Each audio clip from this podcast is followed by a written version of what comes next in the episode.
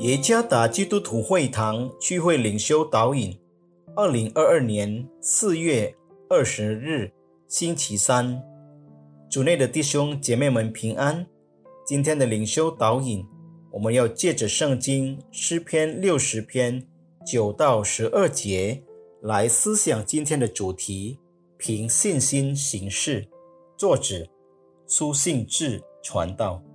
诗篇六十篇九到十二节，谁能领我进坚固城？谁能引我到以东地？神啊，你不是丢弃了我们吗？神啊，你不和我们的军兵同去吗？求你帮助我们攻击敌人，因为人的帮助是枉然的。我们倚靠神，才得施展大能。因为践踏我们敌人的就是他。圣经中教导的信仰，不仅仅是对某事持乐观态度，也不是面对今生的困难时期所需的积极心态。相反，合乎圣经的信仰，是相信上帝在他的话语中所说的话，并按照这种信。来行事。以色列国正在经历失败，处于毁灭的阴影中。以东人在以色列南部的进攻非常强大。与此同时，大卫正经历着北方亚兰人的猛攻。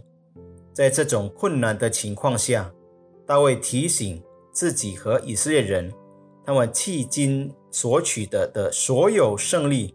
都来自上帝，因此这一次他们也必须仰望上帝，别无其他。透过预言，上帝回应了他们的请求，让他们战胜以东。透过提到大卫祖先的城市、事件、苏哥、基列、马拿西、以法莲、犹大，上帝提醒他。从远古时代起的应许，大卫完全相信神在他话语中的应许。他凭着信心行事。大卫派约押去远古与以东人作战。大卫继续在北方与亚兰作战，然后与在南方的约押一起获胜。相信上帝能够帮助我们。并给我们胜利是正确的。凭信心行事，证明了我们对上帝的信仰程度。